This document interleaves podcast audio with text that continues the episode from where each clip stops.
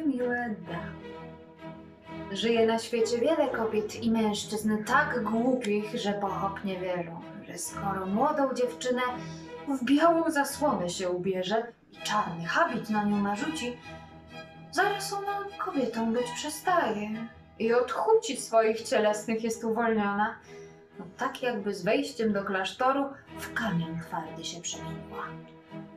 W jakim błędzie oni zostają? Pragnę pokazać Wam w mej krótkiej opowieści. Niedaleko stąd wznosił się żeński klasztor, słynący z wielce nabożnych mniszek. Nazwy tego klasztoru wymieniać nie będę, nie chcę bowiem jego sławę na szwank narażać. Przed niedawnym czasem, gdy w klasztorze znajdowało się osiem młodych mniszek i przeorysza, służył tam pewien poczciwiec uprawiający piękny klasztorny ogród. Ów niezadowolony, będąc z zapłaty, obrachował się z mniszkami i powrócił do Lamporecchio, skąd pochodził. Tam, pośród przyjaciół jego, był młody, zdrowy i krzepki pachoł. No, dość na obliczu łatki, asettem zwany. Ów zapytał Nuta, bo takie było imię tego, co z klasztoru powracał, jakiego rodzaju posługi tam spełniał. Trudziłem się obszernym i pięknym ogrodem klasztornym. Oprócz tego chodziłem jeszcze po drwa do lasu, y, wodę nosiłem i innymi z robotami zatrudniony byłem. A liści zakonnice płaciły mi za to wszystko tak skąpo, że ledwie za co było buty kupić. A przy tym one wszystkie są młode i diabła za skórą mają. Żadną miarą im dogodzić nie da. No gdym pracował w ogrodzie, przychodzi jedna i rzecze, połóż to tutaj, a druga woła, połóż to tam. Inna zasie łopata mi z rąk wyrywa i krzyczy, nie zda się to na nic. Takie trudności mi wszystkie poczyniały, że ja rzucałem pracę i wychodziłem z ogrodu. No dla tych powodów robota już tak mi obmierzła, że za służbę podziękować musiałem. Przy odejściu prosił mnie jeszcze rządca klasztoru, ażebym przybywszy tutaj rozejrzał się za kimś na swoje miejsce. Przyrzekłem, że tak uczynię, ale niechże go Bóg tak zdrowym na nerkach czyni, jak obietnicę swoją uiszczę i kogoś mu pośle.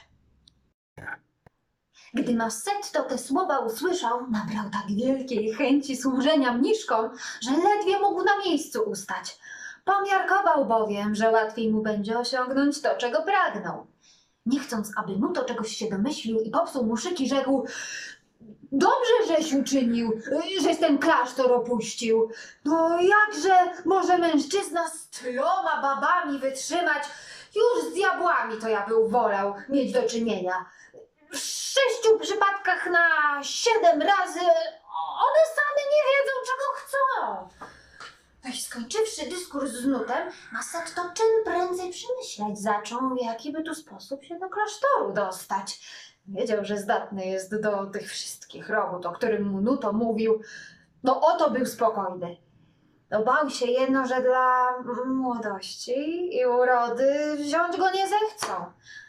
No dobrze, wszystko rozważywszy, tak do siebie rzecze. Klasztor znajduje się daleko stąd i żywa dusza tam nie jest. Więc gdybym się wydał na niemowę, to niechybnie mnie na tę służbę przyjmą. Ugruntowawszy się w tym zamyśle swoim, wziął więc siekierę na ramię i nie mówiąc nikomu, gdzie zmierza, udał się w drogę do klasztoru. Wszedłszy na dziedziniec, natknął się zaraz na klasztornego rządcę. Podszedł doń i znakami, jak to niemowy czynią, poprosił, aby mu dla miłości Bożej kęsy strawy chociaż dano. On zaś, jeśli będzie trzeba, to nawet drew narąbie. Rządca ochotnie go nakarmił, a później ukazał mu kilka grubych pni. Krzepki Masetto tak dobrze się ze wszystkiego wywiązał, iż rządca, znajdując go do roboty zdatnym, kilka dni w go w klasztorze zatrzymał. Pewnego dnia przeorysza, obaczywszy tego bachoła, spytała, kim on by był. Jest to biedny głuchoniemy, czcigodna matko, który po jałmużnę tu przybył. Dałem mu ją z chęcią, a później do wielu robót na podorędziu będących użyłem.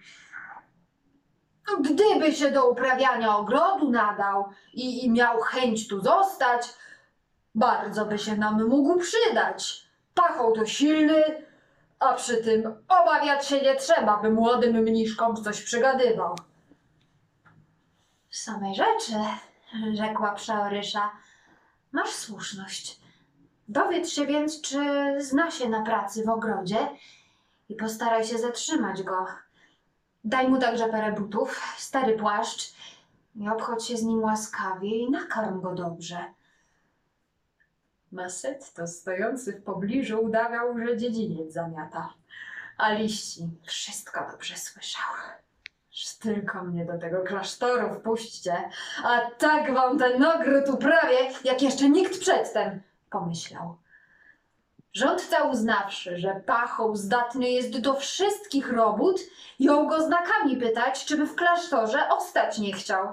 Masetto odparł, że się zgadza, po czym rządca zawiódł go do ogrodu, ukazał robotę najpilniejszą i odszedł sam do swoich spraw. Gdy Masetto tak dzień po dniu się trudził, jęły mniszki przekorę mu czynić, tysiące psot wyrządzać, jako to nieraz z niemymi się bywa. Badały mu rzeczy najsprośniejsze, nie mając, że ich nie usłyszy. A przeorysza zaś, sądząc może, że brak mu równie ogona jak i języka, mało na te figle uwagi zwracała. Zdarzyło się pewnego dnia, że gdy Masetto po ciężkiej pracy odpoczywał, dwie młode mniszki przechadzające się po ogrodzie zbliżyły się doń jęły patrzeć na niego. Pachoł udał, że śpi twardym snem. Wtedy jedna z mniszek, widać ta odważniejsza, rzekła do drugiej: A gdybym wiedziała, że ci zaufać można, podzieliłabym się z tobą pewną myślą, co mi już nieraz do głowy przychodziła. Upewniona jestem, że mój zamysł podobałby ci się wielce. Śmiało, rzekła druga. Ja cię przed nikim nie zdradzę. Nie wiem, czy rozważyłaś, pod jakim srogiem nas tu trzymają dozorem, nie dając przystępu do nas żadnemu mężczyźnie. No oprócz starucha i tego, niemego pachoła. Ja słyszałam często od białogłów, które nasz klasztor odwiedzają, że wszystkie rozkosze tego świata są fraszką wobec przyjemności, jakiej niewiasta z mężczyzną zażywa. I przyszło mi na myśl, ponieważ innej sposobności teraz nie mamy, aby z tym niemym wypróbować, czy to prawda. No lepszego odeń do tego dzieła nie znajdziemy na całym świecie. Gdyby nawet i chciał, to nie może nikomu o tym słowa powiedzieć. Zresztą, jak widać, to prawdziwy z niego głupiec. Wyrósł ponad miarę, ale rozumu ani krzty. No jakże nieprzystojne rzeczy wygadujesz, odparła druga. Zali nie wiesz, żeśmy ze swego dziewictwa Bogu ofiarę uczyniły? A wiele rzeczy mu się przysięga codziennie, nie myśląc wcale o ich dotrzymaniu. My ślubowałyśmy, no ale zamiast nas inne ślub dotrzymają. No a co będzie, jeżeli w ciążę zajdziemy? No myślisz o nieszczęściu, zanim się przytrafiło. No gdy się zdarzy, no to wówczas wtedy będziemy myśleć, co z tym zrobić. No tysiące sposobów jest na to, by wszystko w tajności utrzymać, jeżeli tylko my same pary z ust nie puścimy. Druga mniszka poczuła nagle wielką chęć uznania, co to za zwierzę, ten ów mężczyzna. Spytała tedy, no a- a jak to zorganizujesz? Jak widzisz, jest teraz godzina dziewiąta. Wszystkie siostry jeszcze śpią. Obejrzymy się wokół, czy nie ma nikogo w pobliżu, a później weźmiemy niemowę za rękę i zaprowadzimy go do tej leprzanki, tam co przed deszczem się chowa. Jedna wejdzie z nim do środka, a druga na czatek stanie, a niemowa jest tak głupi, że zrobi po prostu wszystko, co mu powiemy. Masetto słyszał całą tę rozmowę. Niczego tak nie oczekiwał, aby go tylko za rękę wzięły. Mniszki rozejrzały się po sadzie, a upewniwszy się, że nikt ich nie widzi, podeszły do Masetta i obudziły go. Ten zaraz na nogi się porwał. Pierwsza mniszka ujęła go za rękę i głaszcząc zaprowadziła go do chatki. Pachoł, uśmiechając się głupkowato, nie dał się zbytnio prosić. Jeno chętnie uczynił to, o co go prosiła. Pierwsza mniszka, pofolgowawszy sobie do woli, jako wierna przyjaciółka ustąpiła potem miejsca drugiej. Masetto, ciągle głupca udając, wcale się na to nie skarżył. A nim odeszły, jeszcze kilkakrotnie sprawdzały, jak niemowa harcować potrafi. Później mawiały, że sama rzecz przechodzi wszelkie o niej opowiadania. I znalazłszy stosowną chwilkę, często z niemową igrały. Pewnego dnia się zdarzyło, że któraś z mniszek wyglądając przypadkiem przez okno ze swej celi, spostrzegła miłe igraszki swoich towarzyszek i zaraz je dwom innym mniszkom pokazała. Z początku to chciały wszystko wyjawić przeoryszy, ale później, zamysł swój odmieniwszy, ugodziły się z tamtymi, aby i one skarbami Masetta cieszyć się mogły. W końcu po różnych przypadkach pozostałe trzy mniszki także do kompanii się przyłączyły. A wreszcie i przeorysza, która dotąd niczego się nie spodziewała. Przechadzając się samotnie pewnego upalnego ranka po ogrodzie, spostrzegła Masetta, który po całonocnym dojeżdżaniu z sił był opadł i spał rozciągnięty pod drzewem. Wiatr mu odwiął koszulę, odsłaniając przed przeoryszą całe przyrodzenie. Przeorysza na tę pokusę poczuła równą chęć jak i jej mniszki.